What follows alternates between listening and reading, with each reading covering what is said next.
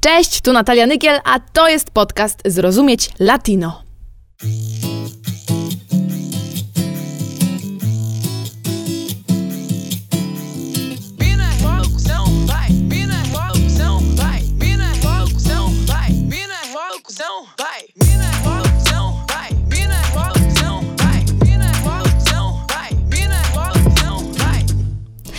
Każdy kraj ma jakiś taki swój gatunek muzyczny, którego delikatnie się wstydzi. Wiecie, że tak jakby wszyscy znają, wszyscy tańczą, ale nikt się nie przyzna, y, że to robi akurat do tego typu muzyki.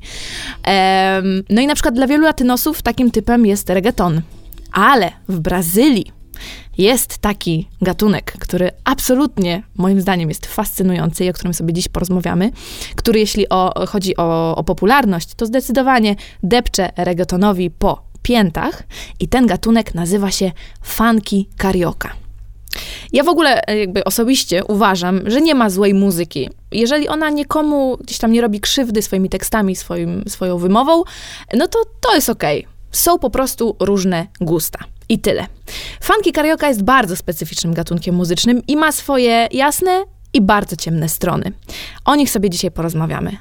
Pewnie myślicie sobie, funky carioca, co to jest w ogóle? No, myślę, że możecie znać jedną z tych najpopularniejszych piosenek, no a w ogóle chyba najpopularniejszą na świecie, ponieważ ma ona 1,6 e, miliarda wyświetleń na YouTube. I to jest właśnie ona.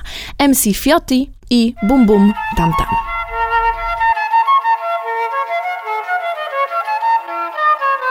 Uh, uh.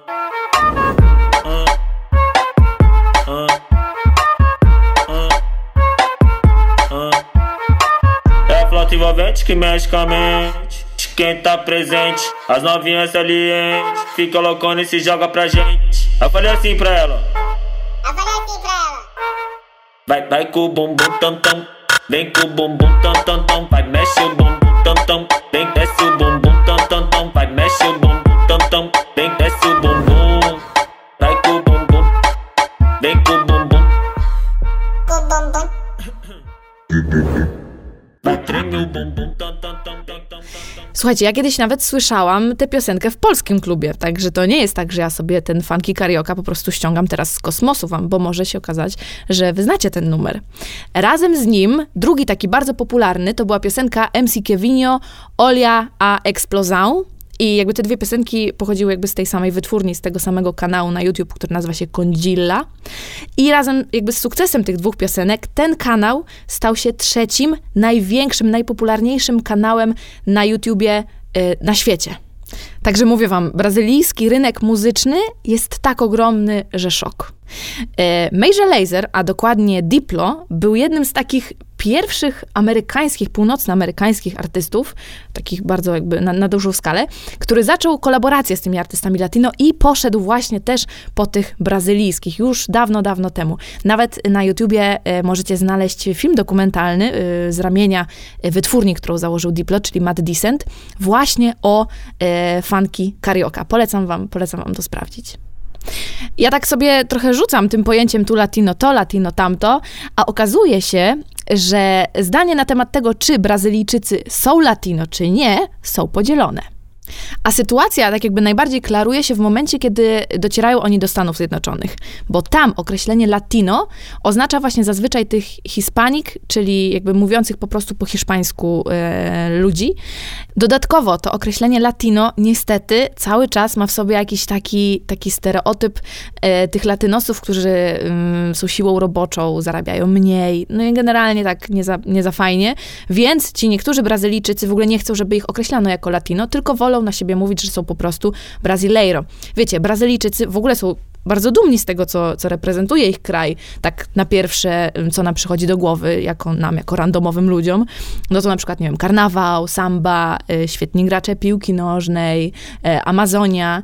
No i dlatego też ci Brazylijczycy nie chcą być wrzucani do tego jednego wielkiego wora pod tytułem Latino. Ale to tak tylko mówię na marginesie, to jest myślę, że chyba to jest bardzo indywidualna kwestia, więc y, no tak tylko, taka gwiazdeczka. To jest w ogóle ciekawe, jak zmienia się percepcja własnego ja, jakby jak wyjeżdżamy do innego kraju. W ogóle zastanawialiście się kiedyś, dlaczego Stany Zjednoczone są tak inne od takiej Brazylii na przykład? Często się słyszy, że ludzie z Ameryki Południowej, których skóra jest trochę ciemniejsza, którzy w życiu nie uważali się za osoby czarne, w momencie, kiedy znajdują się w Stanach Zjednoczonych, od razu dowiadują się, że tacy są, że są po prostu czarni. I nie ma znaczenia, jaki jest odcień tej skóry, czy jaśniejszy, czy ciemniejszy, po prostu albo jesteś biały, albo jesteś czarny. W Brazylii to już nie jest takie oczywiste. A cała ta sytuacja wynika ze stylu zarządzania koloniami, czyli musimy się trochę cofnąć w historii. I tutaj Brytyjczycy, ale i Francuzi, e, którzy zajmowali tereny e, na przykład Stanów Zjednoczonych, tego wschodniego wybrzeża, broń Boże nie pozwalali na mieszanie się raz. Mieli jakąś taką barierę e, koloru skóry.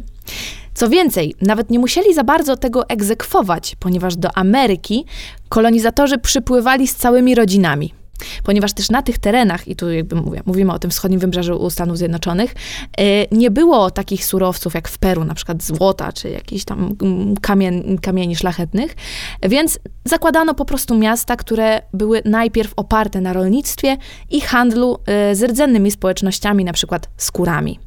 No i ci Europejczycy, którzy tam dotarli z całymi rodzinami, e, raczej bazowali na tej swojej pracy, a ludności rdzenne spychali na zachód. Tutaj czytaj Dziki Zachód.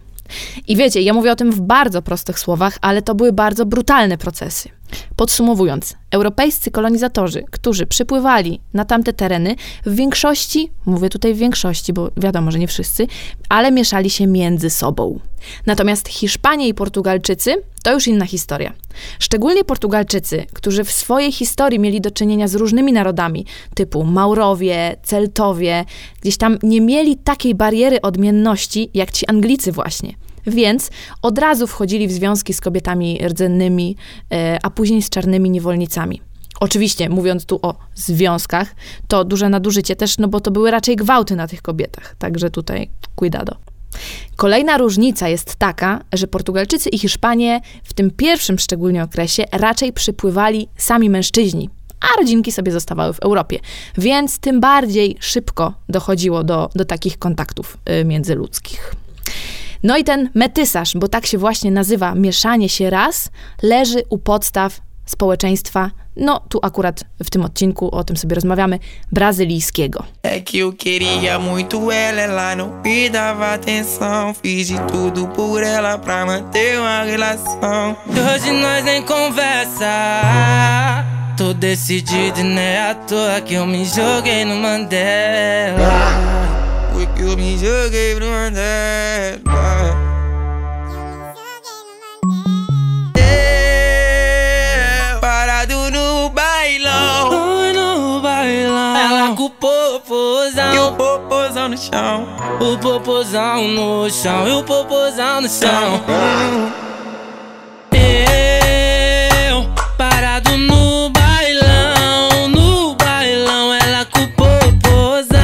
Popozão. O popozão no chão.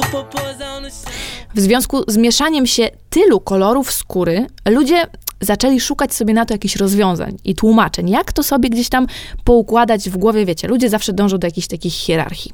Więc w tamtym czasie y, powstawały całe instrukcje nadawania, tak jakby nazywania kolorów skóry ze względu na pochodzenie rodziców w pierwszym, drugim, trzecim pokoleniu. Hierarchia była taka, że im ktoś jest bielszy, tym lepiej dla niego pod kątem pracy, pod kątem gdzieś tam społecznym i tak dalej. A im odcień jest ciemniejszy, no tym jest bardziej tutaj w cudzysłowie oczywiście zdegenerowany. W Stanach Zjednoczonych albo byłeś czarny, albo biały, nie ma zmiłuj, nie przeskoczysz tematu. Natomiast w Brazylii można było swoją sytuację poprawić. Bo na przykład można było mieć dzieci z kimś jaśniejszym od siebie. To te dzieci już były jaśniejsze. A te dzieci jaśniejsze od nas, jak jeszcze by miały dzieci z kimś jeszcze jaśniejszym, to już w ogóle idą drogą wprost do koloru białego. No i wtedy mają większe szanse na zdobycie lepszej pracy i generalnie na bycie lepiej, powiedzmy, poważanym yy, w społeczeństwie. Tutaj taka gwiazdeczka. W ogóle wiecie, jest bardzo dużo filmów o niewolnictwie. I to zazwyczaj są filmy oczywiście y, ze Stanów Zjednoczonych, y, które się dzieją na plantacjach, a mam wrażenie, że bardzo mało dochodzi do nas takiej informacji, że to Brazylia przyjęła 10 razy więcej czarnych niewolników niż Stany Zjednoczone. Czajcie to? 10 razy więcej. Wracamy do naszej historii. Wraz z napływem tych niewolników społeczeństwo, no oczywiście, czarniało, w cudzysłowie, tak? W ogóle Brazylia to jest ostatni kraj w Ameryce Łacińskiej, który zniósł niewolnictwo. No nawet Stany Zjednoczone zrobiły to 25 lat wcześniej. W Brazylii to się wydarzyło w 1888 roku. No i taki kraj jak Brazylia, który właśnie zniósł niewolnictwo, zdawał sobie sprawę, że bardzo dużo jego obywateli jest po prostu czarnych, e, no był e, źle widziany na tej arenie międzynarodowej jako taki właśnie czarny kraj, czyli ten zdegenerowany. Więc stwierdził, e, że musi sobie wziąć na cel wybielenie kraju. I zaczął zapraszać migrantów z Europy, na przykład bialutkich Polaków, Włochów, Niemców, Ukraińców i tak oferował im całe połacie ziemi do zagospodarowania. E, to oczywiście też miał na, cele, na celu kilka innych spraw, ale dla naszej historii to już y, gdzieś tam nie jest y, potrzebne. No dobra, ale hold up. Co z tymi niewolnikami? Co, co z tymi ludźmi się działo? No właśnie, kompletnie nic, bo ci wolni już eks-niewolnicy zostali kompletnie z niczym bez żadnej zapomogi, bez żadnych ziem, wręcz bez żadnego dostępu do legalnych e, źródeł pracy, do legalnego, nie wiem, marketu mieszkaniowego, jak zwał, tak zwał, po prostu z niczym. No i co mieli robić w takiej sytuacji, skoro zostali pozbawieni e, tej legalnej formy gdzieś tam dania sobie radę w tej sytuacji? No więc zaczęli się nielegalnie osiedlać na obrzeżach wielkich miast, na przykład Rio de Janeiro i szukać sobie pracy, zajęcia i domu. Tak między innymi powstawały fawele. To jest jakby jeden z procesów, który, z, jeden z głównych procesów, który ukształtował fawele w Rio.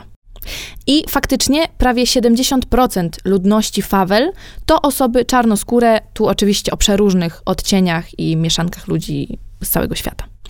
Aktualnie w fawelach w Rio mieszka prawie półtora miliona ludzi, co daje 25% wszystkich mieszkańców Rio, czyli co piąty mieszkaniec tego miasta. I to nie jest tak, że fawele to jest takie skrajne ubóstwo, że to są takie slumsy i po prostu najgorzej, domy z dykty. Nie, nie, nie, nie, nie, nie, kochani. 65% fawel w Rio to są mieszkańcy klasy średniej. Teraz kilka faktów o fawelach. Tak jakby, po pierwsze, wiecie, że fawele powstały w momencie, kiedy po prostu ludzie nie mieli dostępu do tego legalnego marketu y, mieszkalnego. Po drugie, kwestie wody, elektryczności, kanalizacji, to tam wszystko jest, ale jest załatwiane przez mieszkańców fawel, no bo po prostu rządu tam nie ma, nie ma tam żadnych regulacji. Po trzecie, w fawelach mieszkają rodziny z pokolenia na pokolenie, swoje domy budowali własnymi rękoma i to zazwyczaj z normalnych materiałów budowlanych, także spokojnie. Po czwarte, nam się wydaje, że fawele to tylko bieda i przemoc, a tam toczy się normalne życie. Kulturalne aktywności, kościoły, sklepy, bary, knajpy, szkoły, yy, zwykłe albo szkoły tańca. I po piąte, pamiętajmy, każda fawela jest inna. Posłuchajcie teraz hymnu faweli w Rio, który wybrzmiał też e, zresztą na oficjalnym otwarciu Igrzysk Olimpijskich. Rap da felicidade. A tekst brzmi tak. Chcę tylko być szczęśliwy, spokojnie spacerować po faweli, w której się urodziłem i móc być dumnym. Pamiętaj, że biedni mają swoje miejsce. Mój drogi autorytecie, nie wiem już co robić. Przy tak dużej przemocy boję się żyć. Ponieważ mieszkam w faweli, jestem bardzo lekceważony. Smutek i radość idą tu w parze. Modlę się do mojego opiekuńczego świętego, ale przerywa mi ostrzał z karabinu maszynowego. Bogaci natomiast mieszkają w dużych, pięknych domach.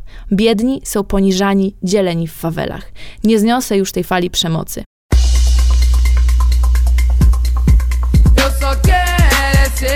feliz, andar tranquilamente na favela onde eu nasci. E poder me orgulhar e ter a consciência que o pobre tem seu lugar. Mas eu só quero é ser feliz, feliz, feliz, feliz, feliz. Onde eu nasci, e poder me orgulhar e ter a consciência que o pobre tem seu lugar. Minha cara, autoridade, eu já não sei o que fazer. Com tanta violência, eu sinto medo de viver. Tu dochodzimy do tego największego problemu fawel, czyli przemocy, bo ona oczywiście tam istnieje. obok tego życia codziennego. Wiecie, taka sytuacja, gdzie rząd nie angażuje się w to, co się dzieje w tych dzielnicach, wręcz no, nie ma za to na, na to żadnych regulacji, z jednej strony sprzyja to jakiejś takiej kreatywności ludzi w tym przetrwaniu, które muszą uskutecznić, a z drugiej strony sprzyja to wolności w powstawaniu i rozwijaniu się gangów. I tak jak wam mówiłam, że fawele są różne, to na przykład Rossinia, e, nazywana inaczej miasto w mieście, to jest największa fawela w Rio, jest e, zbudowana na stromym zboczu i żyje w niej ponad 200 tysięcy ludzi. I praktycznie wszystkie domy mają tam kanalizację, wodę i elektryczność, więc pod kątem infrastruktury, no to jest taka fawela nawet prima sort ale już fawela, która nazywa się Alemão, to jest taka zamknięta fawela, kontrolowana totalnie przez gang Comando Vermelho, który jest jednym z najpopularniejszych i najstarszych gangów narkotykowych w Brazylii. Panują tam restrykcyjne zasady zachowania i są kompletnie niedostępne dla nieznajomych. Są też fawele, które mają infrastrukturę turystyczną i można się tam wybrać na taki tour, trochę takie, wiecie, safari, safari po fawelach, co uważam w ogóle nie jest zbyt w porządku, no bo jednak są to miejsca biedniejsze, patrząc yy, na to, jak my sobie tutaj żyjemy i toczymy normalne życie, na przykład w Polsce. Yy, no i w momencie, kiedy ta ich bieda robi się atrakcją turystyczną, no to tak trochę niefajnie, więc o, nie polecam. Fawele są dużą zagwozdką dla władz Rio i dla polityków, e, szczególnie jak Brazylia stanęła przed zadaniem zorganizowania Igrzysk Olimpijskich. No to wtedy stwierdzono, że trzeba zrobić porządek z tymi fawelami. Ale nie w kontekście, że ej, musimy pomóc tym ludziom, tylko ej, musimy ocieplić wizerunek naszego miasta. No i co się wydarzyło? Na przykład e, na drodze e, z lotniska do części olimpijskiej w Rio i do, do tej głównej generalnie części miasta, do centrum, mija się po prawej stronie fawelę Mare no, którą po prostu oddzielono takim dźwiękoszczelnym płotem, yy, nieprzezroczystym oczywiście, no żeby co z oczu, to z serca. Jak nie widać, no to przecież nie ma. Zmniejszono też y, ilość autobusów, które umożliwiałyby przemieszczanie się ludzi właśnie z fawel na popularne plaże typu Copacabana czy Ipanema. No i e, rozpoczęto proces pacyfikacji fawel, który w ogóle był bardzo brutalny, niestety, ale głównie dla ludności cywilnej. Nie dał też oczekiwanych rezultatów, bo nie zniszczył jakby istnienia gangów, wręcz je jeszcze trochę bardziej rozproszył po Rio i po całej Brazylii. Mówi się, szczególnie teraz, to jest, to jest taki temat bardzo aktualny, że policja w Stanach Zjednoczonych jest brutalna. Ale jakbyście sobie poczytali statystyki policji w Brazylii, to są naprawdę zatrważająco gorsze. I jest kilka filmów o tej pacyfikacji fawel, które serdecznie Wam polecam, żebyście sobie zobaczyli. Pierwszy to na przykład e, film, który nazywa się Tropa de Elite, o właśnie policji, która, która pacyfikowała fawela. Oczywiście jest bardzo znany film Miasto Boga, mm, który no, już nie jest o tej pacyfikacji, tylko generalnie jak to Miasto Boga powstawało, bo Miasto Boga to jest właśnie nazwa faweli w Rio, Cidade Deus. Także polecam wam zobaczyć te dwa filmy, chociaż ostrzegam, że są bardzo mocne. W tym Tropa de Elite mm, film zaczyna się od takiej w ogóle sceny imprezy, e, która konkretnie nazywa się Bailes Funk. I ta impreza zaczyna się piosenką, która nazywa się Rap das Armas, która ma w swojej melodii takie charakterystyczne param pa pa pa pa pa pa pa para para para pa, pa. Zaraz to usłyszycie zresztą to nie jest takie wesołe papara pa, pa, pa, pa, tylko to jest odgłos, który odzwierciedla strzelające dookoła pistolety w fawelach. To jest też taki utwór, który był bezpośrednim ostrzeżeniem dla policji, która chciała wejść do fawel i uznano go za taką bardzo agresywną prowokację, mimo właśnie tej całej względnie wesołej melodii. Szybko tę piosenkę ocenzurowano. Posłuchajcie Rap das Armas.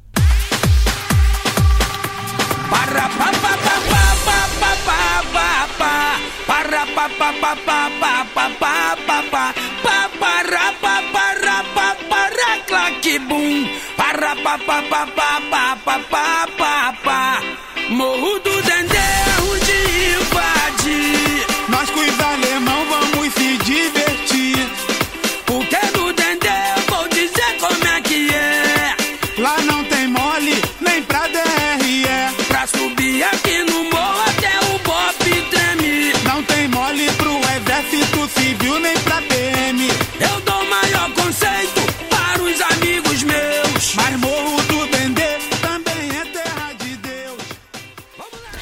ta piosenka jest jedną z pierwszych, która reprezentuje właśnie ten gatunek funky carioca. Carioca oznacza dokładnie jakby człowieka z Rio. I chciałam wam właśnie opowiedzieć tę historię, zaczynając gdzieś tam daleko w koloniach, e, żeby nakreślić sytuację społeczną fawel, w których narodził się ten gatunek funky, brasileiro, funky carioca.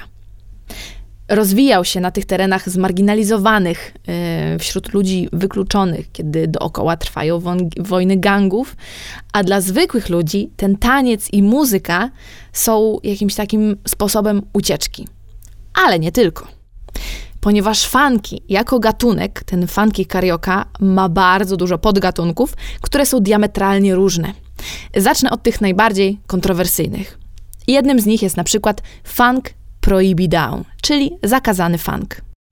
To są takie piosenki, które na przykład wychwalały działalność gangów, i to w ogóle bardzo konkretnych, na przykład Komando Vermeliu albo Tercer Komandu. E, to piosenki, które opowiadały o e, zasadach, które obowiązują w fawelach. Te gangi w ogóle często opłacały powstawanie takich piosenek, yy, na przykład też piosenek na cześć zmarłych pobratymców. Oprócz tego organizowali imprezy całe, na której grali funk. I to na przykład nazywało się Bailes Funk. I to jest właśnie taki typ imprezy, który możecie zobaczyć w tym filmie e, Tropa de Elite. Polecam wam. E, wyobraźcie sobie, tańczycie sobie na parkiecie, a parkiet jest pilnowany przez młodych e, chłopaków w klapkach uzbrojonych w karabiny maszynowe. Jakby nie możecie wyjąć telefonów, nie możecie gdzieś tam nic nagrywać, ale też w ogóle kupujecie, kupujecie normalnie bilet na tę imprezę, nie? Te bailes funk były też organizowane tak normalnie, bez udziału gangów, jakby żeby nie było. Były jakby legalne, i nielegalne potańcówki. I tutaj lata 90. były takim okresem y, szczytowym y, tych bailes funk i też tego podgatunku funk prohibidown, czyli tych zakazanych piosenek, które y, w pewien sposób bardzo brutalny opowiadały o, o rzeczywistości, która y, otacza tych mieszkańców fawel. Smutne jest to trochę, no, że teksty, wiecie, takich piosenek się cenzuruje, ale nikt nie przyjdzie, żeby tym ludziom pomóc. Z takich skrajnych jeszcze odłamów tego funky jest taki podgatunek, który nazywa się putaria. Z hiszpańskiego y, od słowa puta, zresztą po portugalsku też możecie się domyśleć, co to znaczy. No i to już są takie hardkorowe wydania seksistowskich tekstów, ale po prostu tak żenujące.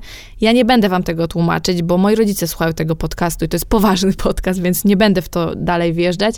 Jeżeli je, ciekawi was to, o czym te teksty są, to jest taki film dokumentalny na YouTube, znalazłam, bardzo ciekawy, który nazywa się Inside the Mind of Favela Funk, który może wam trochę przybliżyć ten temat.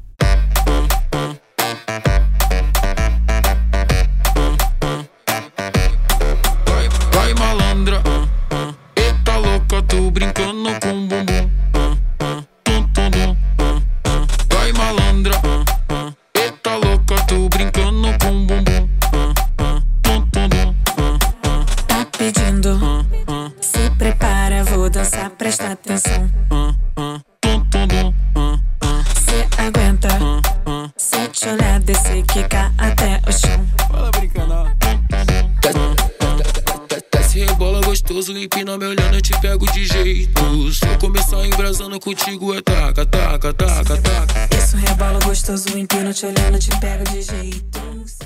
Na szczęście mamy już za sobą właśnie tę bardzo, bardzo mroczną i ciemną część y, gatunku funky karioka. Nie jest to jego większość na szczęście, ale jakby musiałam wam o niej wspomnieć, bo uważam, że tak, mm, no jest to w ogóle super ciekawe.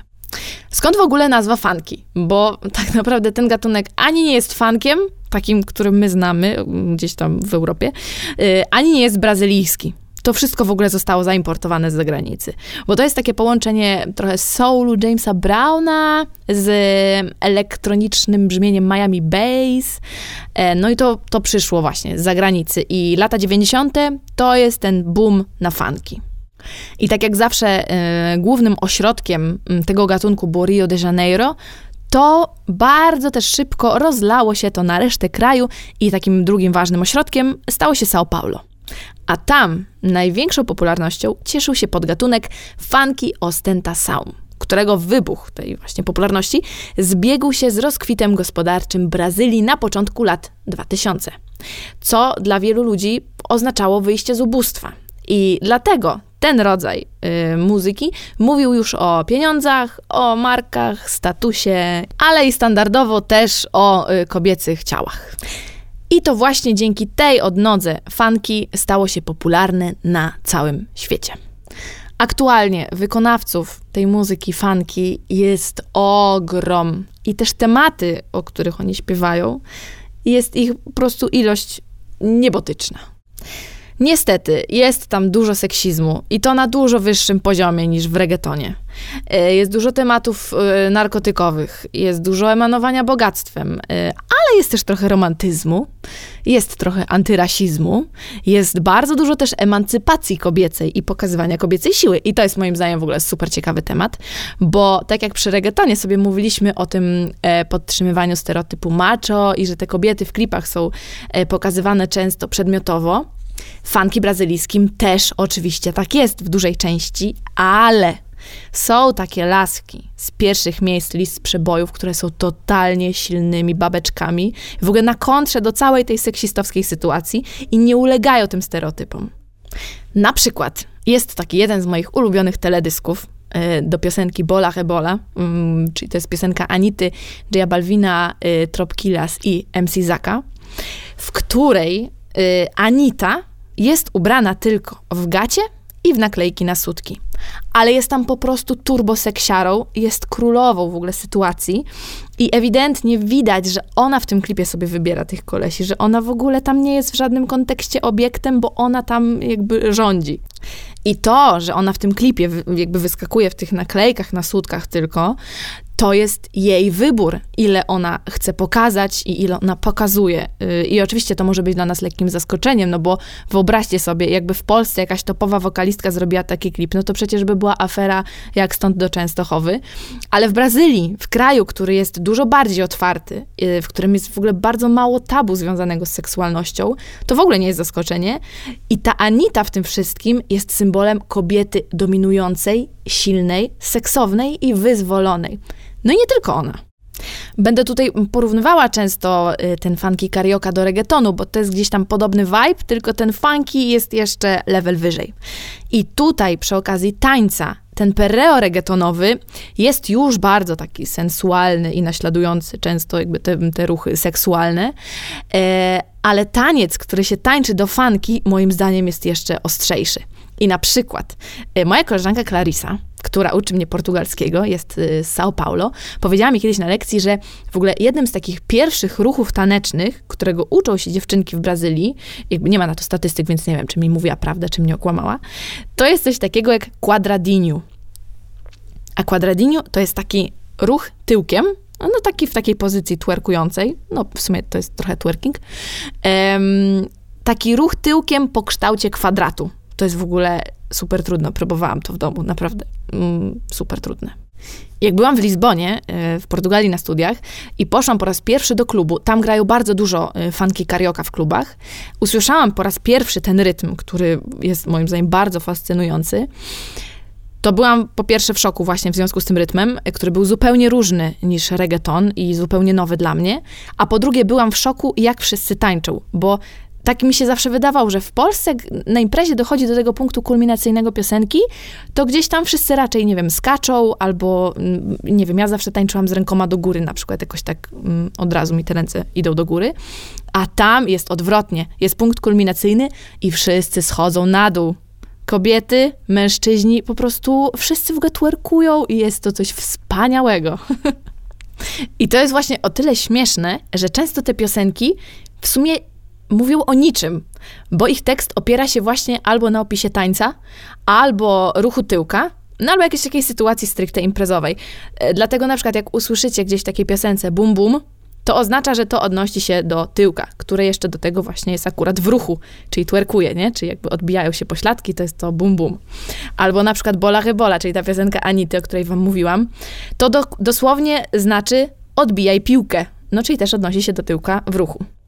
Nie ma się co dziwić. Ogólnie cały ten region latynoamerykański jest no, lekko przesiąknięty seksualnością, a przynajmniej dużo bardziej niż Europa na przykład. No a Brazylia to już w ogóle wydaje mi się, że chyba najbardziej. Jest tam też taki taniec, y, który nazywa się baile gigarafa I to nie jest taki taniec tylko gdzieś tam na imprezach, tylko na takich chyba rodzinnych rzeczach też się go tańczy. Powiedzcie mi, jeśli mówię źle. I ten taniec polega na tym, że na środku parkietu stoi butelka, a nad nią e, w pozycji takiej, no, kucakowej, jakby twerkującej, po prostu tańczą ludzie nad tą jakby butelką. E, I też nie ma to znaczenia, czy to kobiety, czy mężczyźni. No taki po prostu taniec z delikatnym podtekstem. Przeciwnicy e, tego gatunku, jest ich bardzo dużo, e, zarzucają też prostactwo w warstwie muzycznej. No bo już umówiliśmy się, że teksty są bardzo często bardzo straszne, e, ale też już mówiliśmy o tym przy reggaetonie, więc już nie będę tego rozkminiać bardziej. Ale w momencie, kiedy dochodzimy do prostactwa warstwy muzycznej, no to już naprawdę gorzej niż fanki się nie da, moim zdaniem. Chociaż też właśnie uważam, że to jest fascynujące. Bo te piosenki są często stworzone na przykład na bazie trzech instrumentów, typu trzy traki z kompa i koniec.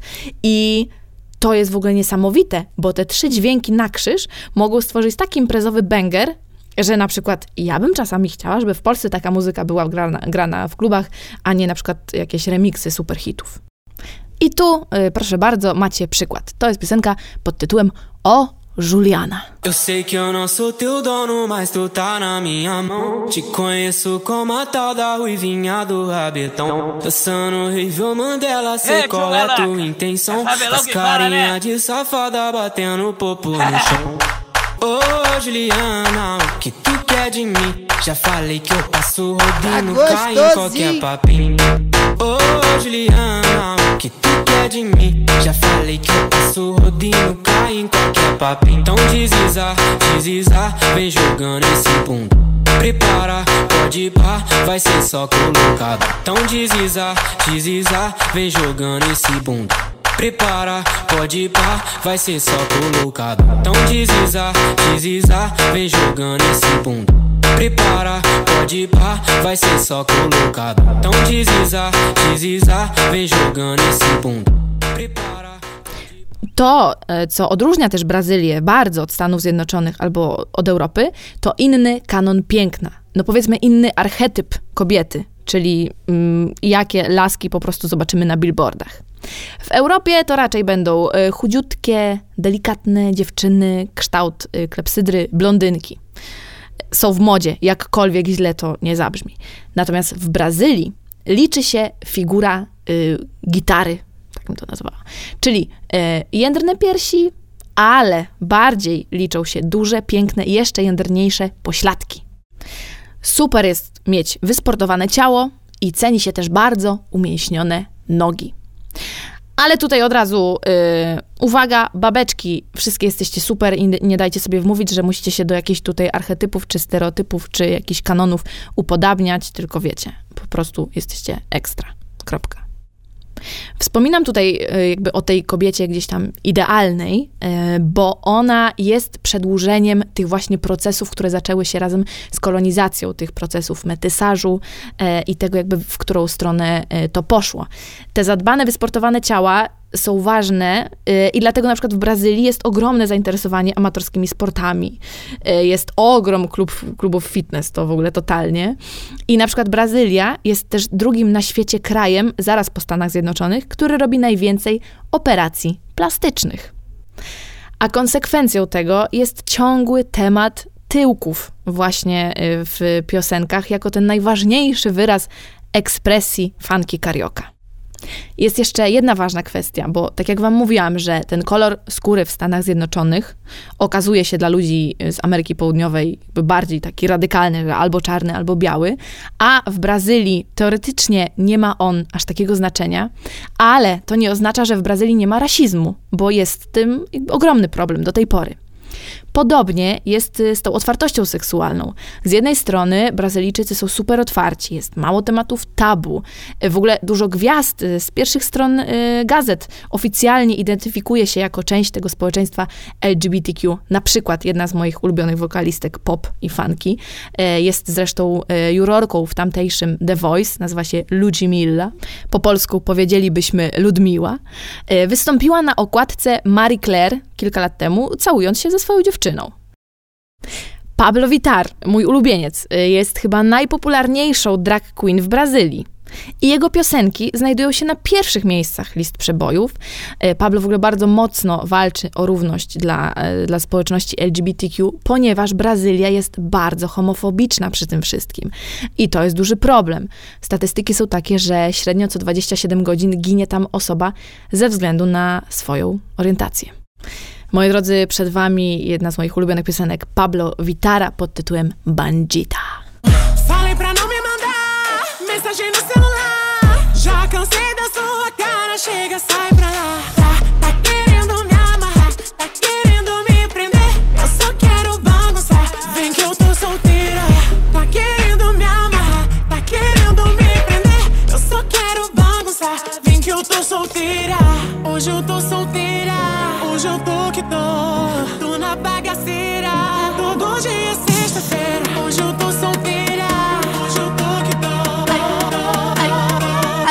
bandida. Ai, como eu tô bandida. Ai, como eu tô bandida. Ai, como eu tô bandida. Ai, como eu tô bandida. Ai, ai, ai, ai, eu tô. Ai, como eu tô bandida. Ai, como eu tô bandida. Ai, como eu ai. Funky Brasileiro jest bardzo prosty w swojej formie. I niestety też często agresywny w wymowie. I tak jak na przykład w reggaetonowych tekstach, albo nawet jakichś, nie wiem, rapowych, amerykańskich, jeżeli dzieją się jakieś kontrowersyjne sytuacje, to raczej one mają jakiś taki ciąg myślowy w tych piosenkach. Na przykład w piosence reggaetonowej. Zobaczyłem cię na imprezie, spodobałaś mi się i teraz chcę z tobą uprawiać seks. Albo na przykład w jakiejś piosence rapowej. Yy, w mojej dzielnicy yy, jest ubóstwo. Dzieciaki nie mają co włożyć do garnka, dołączają do gangów, żeby zarobić pieniądze. A funky, mam wrażenie, że w ogóle omija całą tę kwestię tłumaczenia sytuacji. Oni od razu idą do sedna.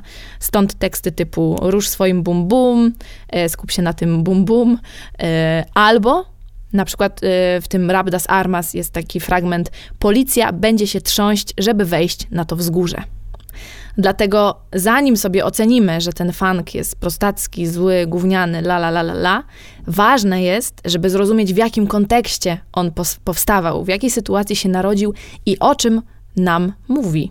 Bo język kształtuje rzeczywistość, a z języka też możemy się nauczyć dużo o świecie i z tego muzycznego też. Ja uważam, że funk nam naprawdę może dużo pokazać między wierszami, jeśli chodzi o fawele brazylijskie, bo są to po prostu teksty o tej brutalnej rzeczywistości. Dla mnie osobiście ta jaśniejsza część tego funky brazylijskiego jest, jest dużo bliższa i też w tym odcinku starałam się wam pokazać raczej te piosenki, które ja mam na playliście i które uważam, że są spoko. No musiałam też wam pokazać Raptas Armas, tak, ale ja nie słucham tego na co dzień. Um, ale warto to znać, żeby mieć jakiś taki ogólny ogląd. Te piosenki, które na przykład ja lubię, właśnie Ludmiły, albo Pablo Vittar, albo Anity, one są też często bardzo łączone z popem. Często nie są takim, wiecie, po prostu czystym funky karioka. I też ten odcinek y, nie ma na celu zachęcenia was do posłuchania tego agresywnego funku, wklejania go sobie na listy ulubionych i, i gdzieś tam powielania tego stereotypu, tylko raczej zaobserwowania pewnej sytuacji społecznej, która dzieje się w fawelach. I, I może kiedy odwiedzicie Brazylię, spojrzycie na nią z trochę innej strony i zauważycie, że to jest też kraj, który ma trochę swoich problemów, a Rio de Janeiro to nie jest tylko miasto z Copacabaną i karnawałem, a ma też swoją inną twarz, tą bardziej niebezpieczną i zdecydowanie kolorytem tej twarzy jest ta muzyka, czyli funky carioca. Przy okazji tego tematu y, pomogła mi bardzo pani doktor Renata Siuda-Ambroziak, czyli y, guru z moich latynoamerykańskich studiów, guru o Brazylii, także bardzo dziękuję. Na koniec chciałabym Wam puścić piosenkę, która była moim utworem wyjazdu do Portugalii. Przetańczyłam do niej całe pół roku, a jest to oczywiście utwór Ludmil pod tytułem. Cheguei,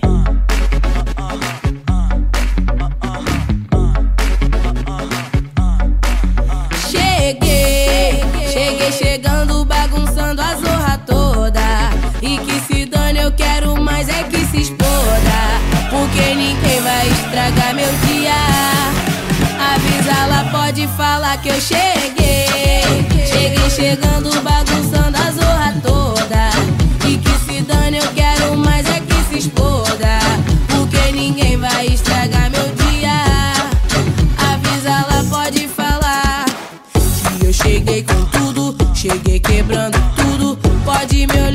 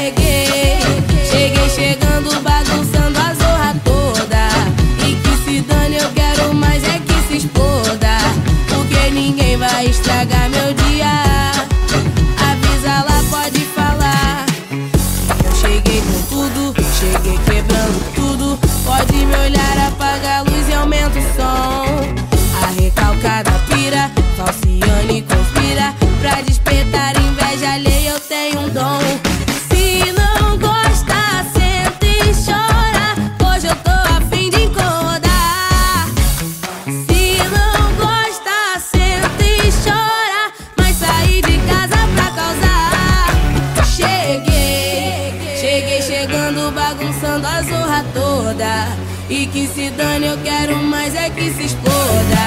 Porque ninguém vai estragar.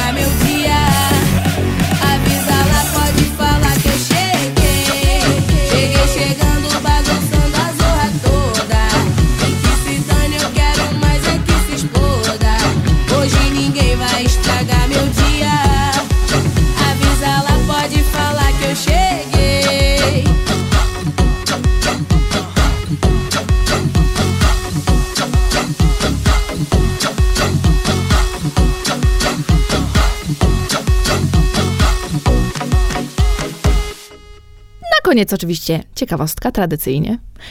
Głównym odbiorcą y, muzyki funky karioka jest oczywiście młodzież, ale wykonawcami funky karioka są też dzieciorki. Takie, no naprawdę po prostu małe chłopaczki. Y, dziewczynek nie widziałam, y, ale chłopaczki są. Na przykład jest taki, y, taki ziomeczek, który nazywa się MC Lorenzo. Bardzo ciekawe to jest zjawisko. Polecam wam zobaczyć. Funky w wykonaniu dzieci.